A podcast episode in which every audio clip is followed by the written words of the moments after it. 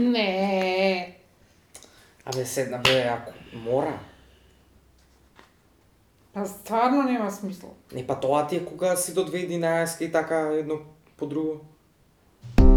Ова е снимка од домашното играње Катан. Комбинација на стратегија и среќа, таа е одлична илустрација за тоа колку човек може да се занесе играјќи друштвена игра, дури и во мало, но одбрано друштво од тројца. Друштвените игри беа популарни пред пандемијата, но во текот на карантините почнаа да се вадат старите и одамна неотворени комплети Ризик и Монопол или да се редат сложувалки. Некои од нас значајно ја збогатија колекцијата, разменувајќи игри со пријатели и комши. Други почнаа да играат board games онлайн, со нетрпение очекувајќи го моментот кога повторно ќе може да се игра во живо.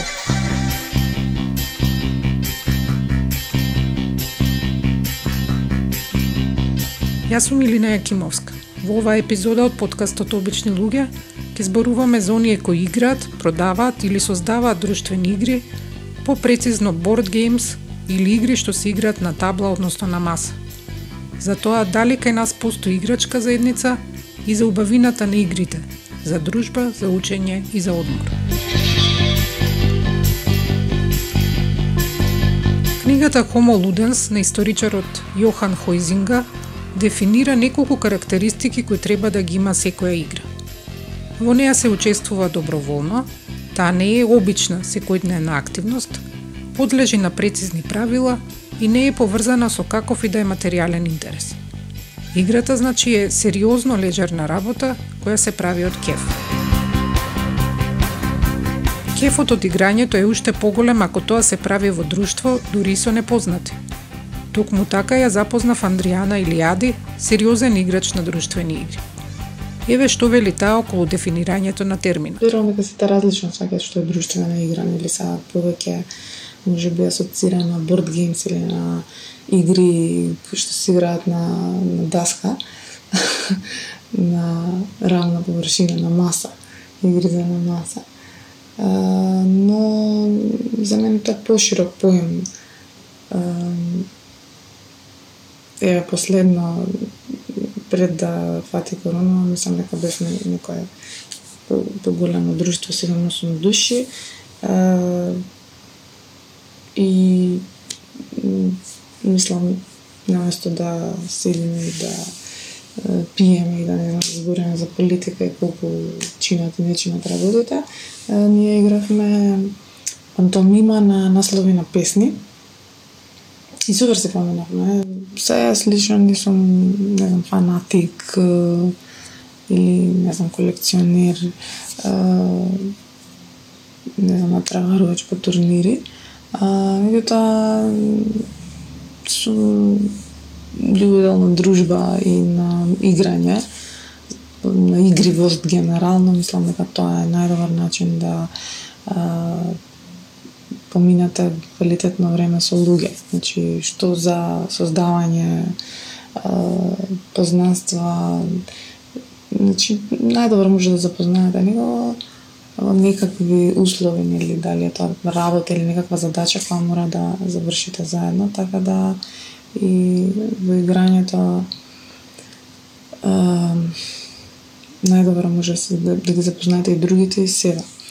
Игрите според неа сепак не се само за забава и комуникација, туку се симулација за нешто многу покомплицирано – животот.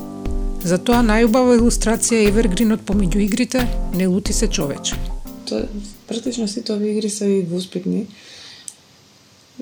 или градат карактер, како би се рекло тоа. И пак дука зависи дали ќе сакате да битнете, некој ќе дали ќе се нервираат ако ќе губите, кога победувате. И така да не може да мислам дека да помине без многу се човече. Мислам дека со во каков во каква во каков амбиент ќе почнете, значи што прво ќе ви кажат, тоа што прво ќе ви покаже играта, таков играч и вие најверојатно ќе бидете понатака. И во игрите, или што викам, и во, во животот. Игрите кои таа ги спомнува ги вклучуваат Ticket to Ride, Carcassonne, Century, како и One Night, што е всушност верзија на попознатата мафија. Игрите во кои доминира факторот среќа и манипулациите сепак не ги се умилени. Повеќе сум играла ради друштва, не ми е, е омилена, ете затоа што е, затоа што вештина која што ја развиваш е на некој начин е, треба да е social, меѓутоа всушност е, е лажење. А, и така, не, не сметам дека тоа е нешто што треба да стануваш подобар. Но па од друга страна има убавина во тоа што можеш да подобриш собствената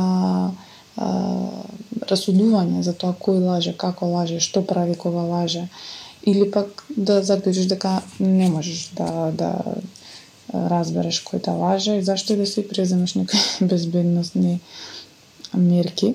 Други игри пак влијаеле врз незиниот интерес за серии или книги. И уште повеќе, ја мотивирале да навлезе во светот на креирање така наречени escape rooms, тимско решавање загадки. Не знам, има има доста игри, но ја веројатно сум а, класичен носталгичарски пример на играч и за мене а, омилена би било и ќе биде, да мислам дека а, Клуедо или Клу а, и тоа прв пат ја имам играно негде во основно, значи оригиналната верзија. А, сега играме на една uh, homemade од мене направена верзија, кај што си ги прави картичките, си ги нацртана и човечињата. И наистина сакам таа игра, uh, пошто uh, има тука многу елементи. Uh, дидактички Сега некои викаат дека е среќа, јас не, не се согласувам со тоа. Оваа игра има правено навистина влијание врз мене па и понатака не знам во овите стварање некоја зависност од криминалистички серии, CSI, детективски некои романчиња. и може понатак ја спомнеме за Escape Сови, играње и креирање пред некои 4-5 години прв пат се се запознав со овој феномен и то, за тоа на вистина станав веднаш а, фанатик, а, многу брзо а, искреирав, ја оформивме, отворивме а, нашата сова, сега се надам смеам да спомнам, Кейс Клуст, Тогаш бивме четврта понуда во Скопје.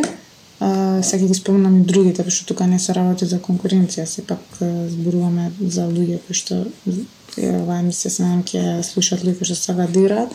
Значи Escape Room Скопје. Кјуб кој што мислам дека сите да знаат, тогаш имаше една понуда. А, втората соба всушност се затвори. Така да значи после тоа се отворија се отвори во кисела вода те има две понуди. И Кјуб со уште три понуди, значи девет пред пандемијата имаше. А, сега, за време на пандемијата, да се чудиш, но се отвори една во, не знам точно како се вика, во кај три бисери, мислам дека има две понуди. Значи сега тоа се со некои мерки, не знам како точно. Не е истото, но сепак ева за играчи советувам да тоа е значи најдобро помината време е друштвена игра, која што во реално време ја играте, затворени стусува, треба да решавате загадки, морате со заеднички сили тоа да го правите. А, колку исто така значи она што го зборував на почетокот, колку повеќе играте, толку подобри станувате. Тоа е игра на комуникација, на на вештината на а, подобрување на тимот а нормално тука се и а, тие когнитивни способности, и загадки, и асоцијативност и така натаму. Друштвените игри таа ги поврзува и со уште едно незино хоби – Ultimate Frisbee, чии темели ги има удрено во Македонија. има повеќе спортови со летачки диск се вика тоа, со фризби, оној кој што јас го практикувам е тимски, се нарекува Ultimate и е, доста е распространет на светот, еве се бори за, за место на Олимпијадата а, во Лос Анджелес 28, значи за Парис веќе нема шанси, брейкденсингот ќе биде во Парис. Но се бори, велам, за таму го има на светските игри, има доста збеднувања и се уште се игра на еден начин многу специфичен, значи го нема во други спортови.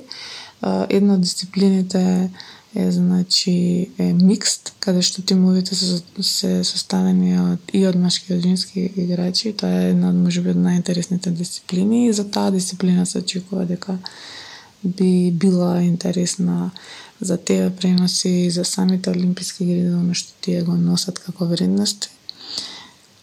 А, но меѓу другото во овој спорт постојат некои пет принципи а, и за овие пет принципи екипите веднаш кога ќе заврши на првот се оценуваат едни меѓу други и прават еден а, а, spirit circle го викаат тоа или круг на духот каде што се собираат сите играчи и капитените или некој кој што сака да зборува кажуваат што мислат за одиграниот надпревар во однос на тие етат некои пет а, принципи, не знам, ферплей, познавање на правилата, комуникацијата на играчите.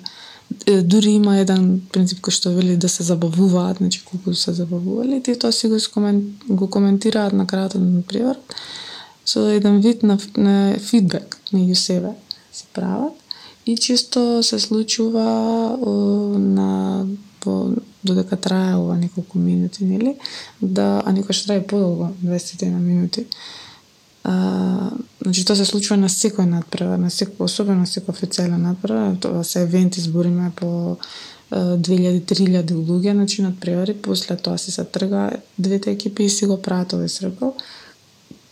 И се случува, значи, после дискусијата да се прават Spirit Games или игри за духот и тоа се баш игри игри интересни социјални и обично се прават и на тренинзите или кога кога правите некој тим и така едноставно се разбива и се сузбива таа некоја може би тензичност.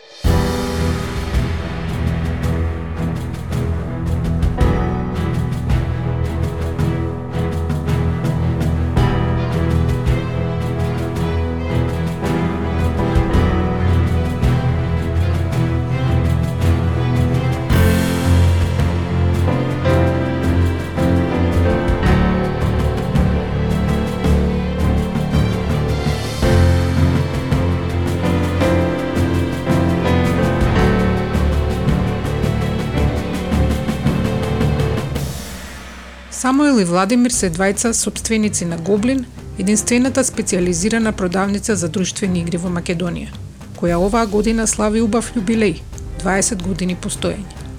Ги прашавме за нивните почетоци и дали ја отвориле Гоблин како љубители на игри или како можно за заработка. Прв е Самоил. Многу интересно, почетоците нас се многу интересни, на луѓе им се чудни дека така може нешто, дека нели сите кажуваат у цел свет, нели оние не знам од Бил Гейтсови до чудата како почињале за такво, него ние како сме почнале, ние дека почнаме во гаража беше Гоблин. У суштина беше првиот Гоблин во гаража, значи гаража изнајмивме кај Цветен пазар порано што беше Авто Македонија доле во гаражите се да спушта позади. И во гаражата ја спремивме доле со теписон, околу беше со онаков онаква хартија, тврда хартија направена уметнички на, на другаров татко му работеше уметник такво нешто и наприко данжен натре да биде и со залебивме постерите писон натре и викаме луѓе така доаѓаа таму и се соблакаа кондури надвор и се седнуваше внатре на теписончето и после некој време стана толку гужва и толку смрдеше што не се влагаше внатре веќе. И тоа свативме дека мора да направиме изла продавница да отвориме. Дел од работија ги работим што ти изјавам на нормално дека и дел за екзистенција, но пред се сме почнале, значи ние сме биле тогаш деца да не кажам за вакви работи, не сме ни размислиле за бизнис, туку сме размислиле баш на како ај што ни е на нас интересно и сме си го почнале ради тоа.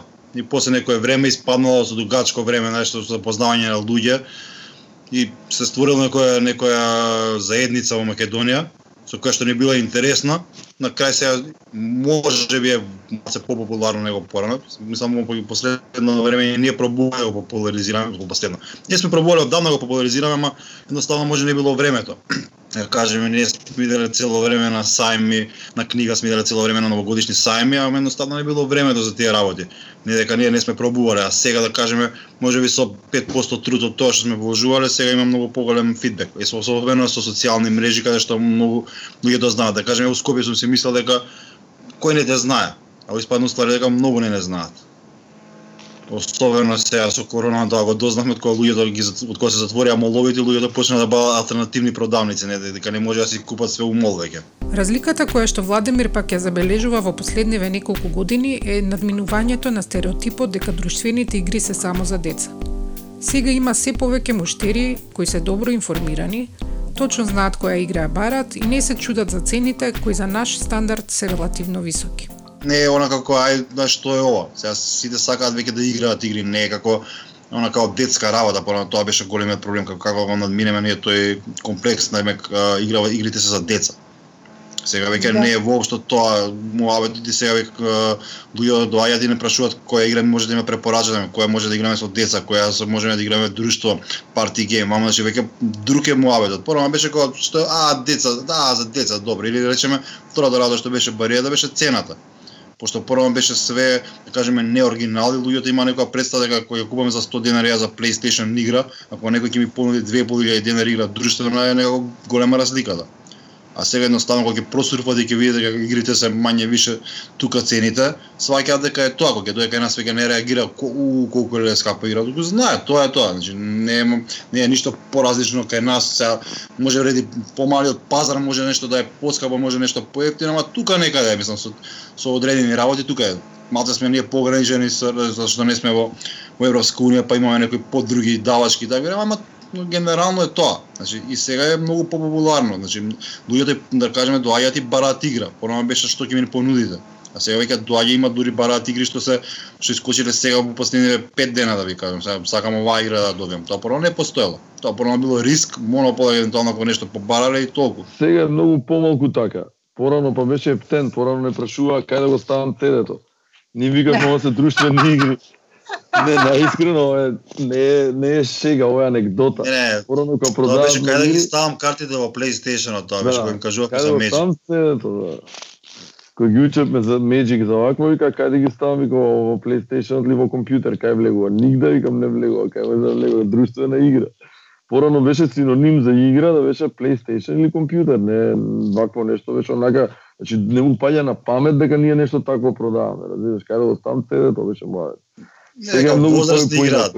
За некој кој никогаш не навлегол во светот на друштвените игри, изборот од каде да се почне, а да не е тоа домино или карти, е прилично тежок. Терминологијата, жанровските одредници, категориите, правилата знаат да бидат збунувачки, па во рамки на самата заедница има такви кои се ограничуваат на полесни игри. Сепак постои и така да ја наречеме геймерска елита кои се релевантните информации по кои човек може да познае дали некоја игра е за него или не. Секоја игра како обележано и има возраста за која играта, за колку играчи и колку време траење. Тие три се како референци кои што секоја на секоја игра ги пишува вака како мал дел во кјошот или на страната. Тие се како основно нешто што што ви почнал да гледаш. Значи ако сагаш некоја покомплексна игра, таа подолго трае, пишува оградувањето на на возраста е од 8 плюс, 10 плюс, 12 плюс и 14 плюс, да речеме. Се 8 плюс е за општа публика, тоа не значи дека се само за деца, него и за возрастни се, меѓутоа се оние, да речеме, монополи, Ticket to Ride, најпознатите светски игри, на некои на тоа ниво, што значи што се основни Bugs Basics, што нема долги правила, што не треба да ти, ти треба сати да прочиташ и да да поставиш играта и така натаму. Како оди нагоре тоа, за возраста, така покомплексна е обично играта. Са не мора да значи са некои некои игри не се ни добри ако пишува 14 плюс, не, не значи тоа не гарантира дека играта добра, него чисто е дека комплексност. А, Исто и бројот на играчи. Значи, обично party games, тие што се за, за забава, што не се баш стратешка игра, се со многу повеќе играчи, за да може да биде баш party game. Значи има Dixit што е најпознатиот party game, дури до 12 играчи може да се игра. И такви слични се со повеќе. Стратегиите, мислам и другите обични борд геймс играат од 2 до 5, 2 до 4 играчи, така е најчесто е така. Ние што гледаме, мислам, ја во последно време не сум играл нешто посебно многу комплицирани игри, ако не се собереме вака нема веќе собирање во последна година. А, ја најосновните ги играм дома со фамилија. тие се со 8 плюс, што си се тие ги играм и тие се враќам онака да кажам што порано сум ги играл, се враќам пак на истите некои круг се направи у моево играње на игри, се пак почнав на тие основи да се враќам со син ми, он почнува да ги учи и ја пак си се враќам и многу ми е кејф, затоа што гледам дека стварно не мора да значи дека играта ако ете не е 14 плюс или не е некоја си кој знае што, дека е лоша или досадна ќе ми биде. Баш ми интересна и многу забавна. И такви основни игри се супер. Ако комплексноста се одредува од 1 до 5, нашите домашни игри стигнуваат максимум до тројка. Најсложените практично и нај, најредко се играат. Многу важно за секое друштво е да постои човек кому не му е мрско да чита правила. За среќа, во нашето семејство има таков, а тоа не сум јас. Гле, ја исто не се да читам правила, сега е многу полесно ради YouTube и тоа исто многу смени во заедница за, за играње игри, пошто да речеме многу од луѓето го има тој проблем исто и ја, да речеме мене ме мрзи да читам правила. Секогаш имало кај нас во група да некој што сака да чита правила и што сака да објаснува игри. Тој ќе отиде напред сега, не знам дека може нема да прочитам нешто ќе прочитам, ама во секој случај сега на YouTube ќе пуштите и за како видео ќе се го изгледате е многу супер, значи многу е баш едно тоа дека дека сега нивото за да влезете во игрите е многу полесно. Еми има едноставни игри, имате оваквото на YouTube кај што може да си ја видите да ви објасни некој уопште да не се ни замараш да ако да да читаш и супер сега многу полесно се влегува во игри дури воопшто никад да не сте играли игра. Значи, а може да навлезете во некоја игра што е потешка, не мора да биде некој едноставно да се дес случува кај нас луѓето да почнат со некој потешки игри, никој не, не, не ги тера да почнат со основи, не им кажуваме дека е подобро. Иначе едноставно има луѓе што доаѓаат и ја земаат Game of Thrones пошто сакаат да се фанови на тој си ја земаат таа игра и таа игра и ништо не им смета. Може ќе им треба 2-3 дена, 5 да научат поише него основната, ама ако се компактно друштво и таа ќе играат, не е проблем.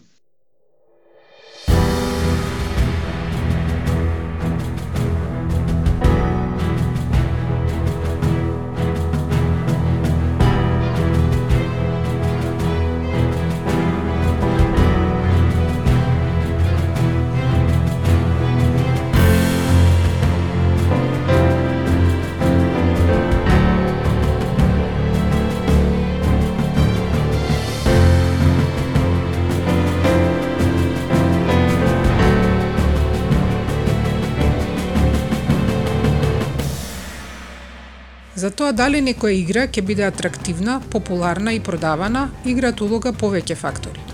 Но еден од најзначајните е незиниот дизајн. Тхе Мичо е нашиот најпознат домашен и извозен стрип цртач, илустратор, но и дизајнер на board games. Број на креирани до сега над 80. И колку и да звучи чудно, од нив има изиграно нула. Ме види, а јас на некење се најдов овие друштвените игри, И, например, иако имам направено баги игри, го кажам сегде нормално, немам изиграно ниту една. Значи, буквално немам изиграно ниту една друштвена игра. Не знам ни како се играт, ни како се постават, ни ништо. Еднаш за малку пробав една, не именувам која, пошто сепак се многу, ама некако не ми одеше, пошто многу сум кнап со време обично, пошто го кажувам и ни пријателите и на соработниците, за да ги играте вие игрите, некој мора да ги сработи. И обично така, баја ги работам, му кажувам и на пријателчиња, и на колегите, дека буквално нешто онака, освен во редки ситуации, викенди и слично ручеци кои ќе правиме заедно со фамилијата, ама најчесто на компјутер, ја, ја покажам сата структурата полна е со чудни работи. Сам јадење се, имам јадење и брадата да влакна, што би се рекло, како и да е. И случајно влегов во тој светот на игрите, аз предходно се цртам јас од порано, од секој сум сакал да да цртам пошто единствено за тоа рече ми било. Има стреќа во тој некој минат систем да, да сум задоен така со стрипои. Пошто имаше и стрипои се продаваја и луѓето многу читаја стрипои, значи немаше врска од некоја класна структура, дали работници, дали интелектуалци, туку баш онака стрипа имаше многу. И јас го фатив тој период. И стварно сакам стрипа, значи буквално цело време само за тоа зборам, само за стрипа, за игри и за, за, за филми. И реков, значи само за тоа ме бива, ке си цртам и си цртав. Нормално са и, и ден денес е така, за жал, дури можда и малку претерват денеска. Не смета околината дека ова професија што значи, би била супер за живот. Ама случајно, заради да тоа што стварно сакам да цртам, пошто цртав цело време и кој ќе мислеа моите дека учам ти цртав, и на училиште цртав, и пробав на ликовна академија се запишав, не се запишав, па на друго се запишав, ама си продолжив да цртаме, значи нон стоп. И тоа баш буквално многу, значи со некоја желба дека некогаш ќе успеам во некој така дисциплина за цртање. И преку тоа си почнав да се работам стрипови, илустрации, па учебници, па студентски збор, па на неки не се запослив во Идеа Плюс во Скопје, па поживеев малку во Скопје, поработив малку за тие агенции, се уште работам за голем дел, поработив на некои списанија, па се се вратив во Битола, пошто и во Скопје кој живеев, работев од дома, пошто тоаш свежо дојде АДСЛ-от во Македонијава и имаше значи, нечо онаков брз интернет и не мораше да со цедиња тако така да ја носам по фирмите, па си работев од станот, па констатирав се што ќе сам тука во Скопје, во стан кој можам да во си седам во Битола, пусто Битола беше помало место е си излеваш на кафе, не мора да се договараш баш до толку да се видиме, не знам ти каде ќе си седам во Битола. Па си работев тоа што си работам, па едно време за Лалов со сториборди цртање, така да мислам дека секој ден работев на неколку реклами или што и да е. Додека пред 3-4-5 години ми се јавио Шем Филипски, спомнам тој а, да речеме првата игра што ја правев и правев нашо дали, нали, пошто јас и покрај тоа што работев сториборд илустрација, ја ги користев социјални ве страници што се за уметност, за арт, девијант арт и слично, и клаваш цртежи, нали, како портфолио, пошто мојата работа е, треба да ја видат луѓето. Ако се цртаме само за мене, не, која е пајнтата? Тоа е исто како гинисот што го пиеш, да си го прават дома, ја да си го пијат сами, знаеш, глупо е, нема да го споделиш кефот со, со другите. И луѓе дзирнале што сум работел, прашаја дали можам да изработам игра, јас реков окей. И ја направивме та првата игра и некако убо помина, не знам, не помина убо, преубо помина таа првата игра.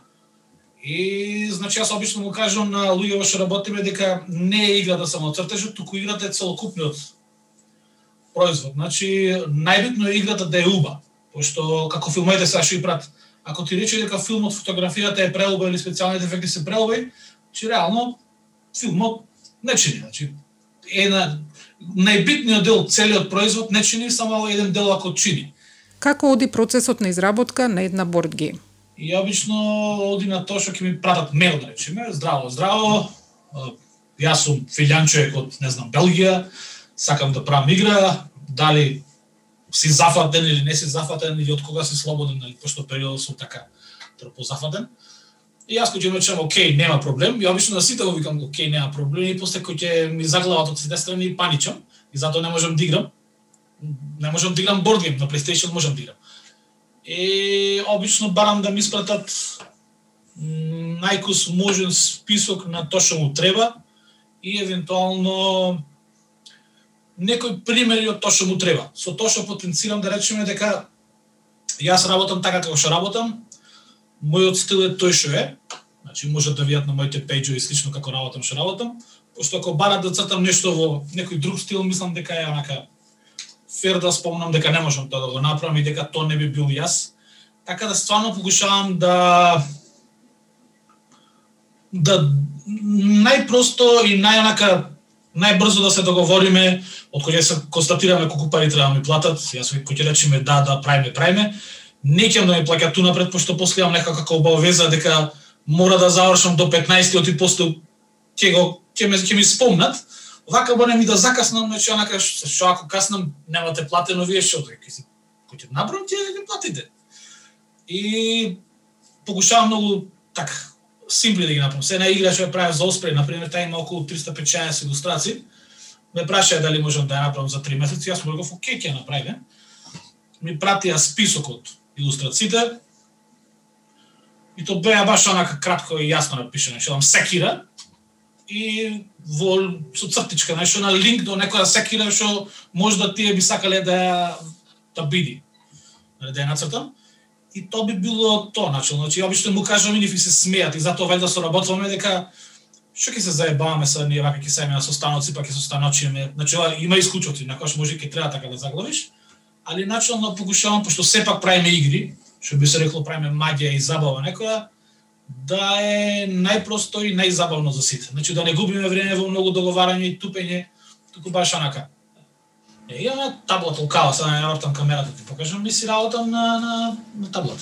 Значи јас работам дигитално и обично ќе речат се така, нека јавиш од дигиталното, тоа класика. Не е на класика, тоа то да го изјавиш треба да да не си вака свесен со работните така, иначе професионално работење. Јас имам, например, обврска да завршам X количина на илустрации за некој период.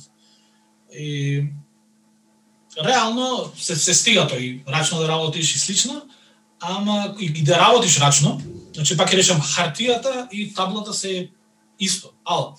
Ако не знаеш да црташ на хартија, нема да знаеш ни на компјутерот да. Значи компјутерот ти е само површина. Значи буквално имаш виртуелна хартија и, и да работиш ти на хартија, после тоа треба сето да го да оскенираш, па да отокмиш и така натаму и се да треба да го пратиш на мейл и се реално со дигитално добиваш многу време што можеш да го искористиш со во, јадење пица или играње друштвени или играње на PlayStation или на крај крајава се седам со фамилија да ги си гледам филми, пошто ќе го заштедам тоа времето. А, и, значи, и нарака да црташ, пак идиш до дел што ќе треба електронски да го помениш така да голем дел сечиш од од процесот. Со тоа што да речеме имаш милиарда опции дека ако сгрешиш можеш да го избришиш. И тој има интересно толкување на тоа што се друштвени игри и како тие се разликуваат од геймерството воопшто. А, овој светот на друштвените игри баш си го носи и на супер му името. Значи, друштвените игри ти се а, игри што се играат со луѓе, иако и о, PlayStation и слично се играат со луѓе, али овие друштвените игри се во без присуство на електрична енергија, освен да сјалица евентуално. И ако има некој покушај са прата накви нешто, да, да додираш апликацијата, па нешто да тати поможува, мала да не функционира така. Али друштвените игри се ствари за Са, не сум баш сигурен дека богат е изразот на луѓе, али друштвените игри се за олабајани луѓе, например, ако ти е се релативно погодено, значи може да замислиш колку е тешко тоа кај нас, знам колку е тешко, знаеш и ти колку е тешко, кој се олабај, например, од работа негде или од така од стрес и слично и кој си дојдеш дома и си седнеш да си играш, да си наместиш таму со јадење, со пиње, си јам гледано во как, како си ги прати соби што си ги имат дома и стварно се спектакуларни. Али стварно беше на треба време да седнеш, да, да се организираш, па јадење, пиње, пици, ти што викаш, пива, соко и слично и стварно се убеј пошто онака ај што те спојват со најблиските, туку ти кажам преку работата моја стигнуваш до до луѓе што најверојатно не си планирал никош дека во животот ќе стигнеш. Значи од различни професии, од нема филмски звезди до популарни автори на книги на пример и така натаму така. Самел се надоврзува со интересно толкување за тоа што друштвените игри се повторно ин без оглед на пандемијата. И сега луѓето ствари бегаат, сите сакаат да избегаат од тој екран. И скроз е друго расположението на луѓето како гледаат спрема тоа. Сега више не го гледаат како нешто за, за старено, нешто такво. Значи тоа е сапиосексуалноста е многу поразвиена сега од порано. Значи сега сега не е не, на, значи не е сега не е сега срамота да си гик или да си нрд. Порано беше се мачот типови беа фраери, сега се вие што се интелектуалци се фраери, сега се повеќе тоа доаѓа до израз. И заради тоа и ваквите видови на забава или се едно, мислам, стануваат се попопуларни по фраерски. Интелектуалките важни. да. Да знам, за другарка Да. праша. За другарка праша. Сега ми зборат другари вика, леле човече, вика идам по гости по луѓе вика, ми вадат друштвени игри да играме. Човече, дај ракијата бе, ало. Значи вика незамисливо било ова за мене порано вика. Што направивте? Он тага ми вика, се човеков не е некој што игра игри, дали очигледно помладетов, нели? Не е битно да ми премува што направивте на луѓе во сите бе. Сега да идам вика сите нешто игрици нешто да играат. бе. Што ја дајте мезе ракија нешто вика. Што ви станало на сите вика се игри бе. Во земјава постојат неколку фирми кои издаваат игри. Arcona Games, Final Frontier и Devanchi Games, кои собираат средства преку платформата Kickstarter. Ако добро избројавме, до сега се издадени 9 игри, од кои две има доживеано експанзија поради огромниот интерес. Најочекувана за 2021 е Monsters on Board, дизајнирана од Самуил, Иво и Микич, а се работи на друштвена игра инспирирана од документарецот Медена земја, која се планира да се воведе во основните училишта. Уште една игра има таков огромен образовен потенцијал. На 13 април 2019 на меѓународниот ден на Скребл во Скопското Board Game Cafe Само организирав ден за тестирање на македонска верзија, првично дизајнирана од Машми. Неочекувано се појавија голем број одлични познавачи на оваа игра на составување зборови, нешто слично на крстотбор. Врз основа на нивните предлози за правилата и будувањето, дечките од Вудис изработија верзија за продажба. Токму на тој настан ја запознав Адриана. За мене Scrabble е игра за секоја прилика, затоа што едноставно нема зашто да ми ви се допаја оваа игра. Значи треба од неколку букви кои ги имате на располагање да составите збор и да освоите поени. Но оваа игра дефинитивно треба да се да се метне и да и општо мислам дека и други игри треба да се метнат во образовниот систем кај нас за да а, полесно и на поинаков начин се се учат некои работи. Веќе не сите деца исто учат. Мислам дека игри треба во се да се вклучат кога станува збор за учење. Итхе Мичо се согласува со важноста на играњето друштвени игри за растењето и формирањето на детската душа. И тоа би било супер, пошто сметам дека и значи децата како такви, ако растат во некое а, така општество што ке што има стрипи игри, мислам дека можда ќе бидат парни луѓе. Е сега за ебанцијата тоа што обично стрипаите игрите и такви работи се многу скапи. И тие се значи онака неш ќе посочам са прајањето игри не е баш толку битно колку да си доктор сега.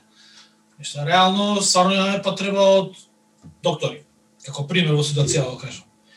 И ова играње во игри и стрипови мислам дека иди на тој крајниот дел од општеството пак ќе речам кај што се сите задоволни, сите ќе бидат стрекни, пак ќе дојдат нешто на Лабаен. Оди се например од Битола дој некој од Кромберт и Шуберт со со маска онака изнервиран в крај. Не верувам дека тој неш или ќе игра или ќе му дозволи на некој од фамилијата да игра. Така да се надевам, значи се надевам дека ова кој ќе заврши сето ова и тие претпукавања, кај нас кои ќе завршат некој што ќе станеме релативно нормални во сите тие погледи од животот, дека ќе почне и малку и во Скопје и во другите места се развива оваа култура.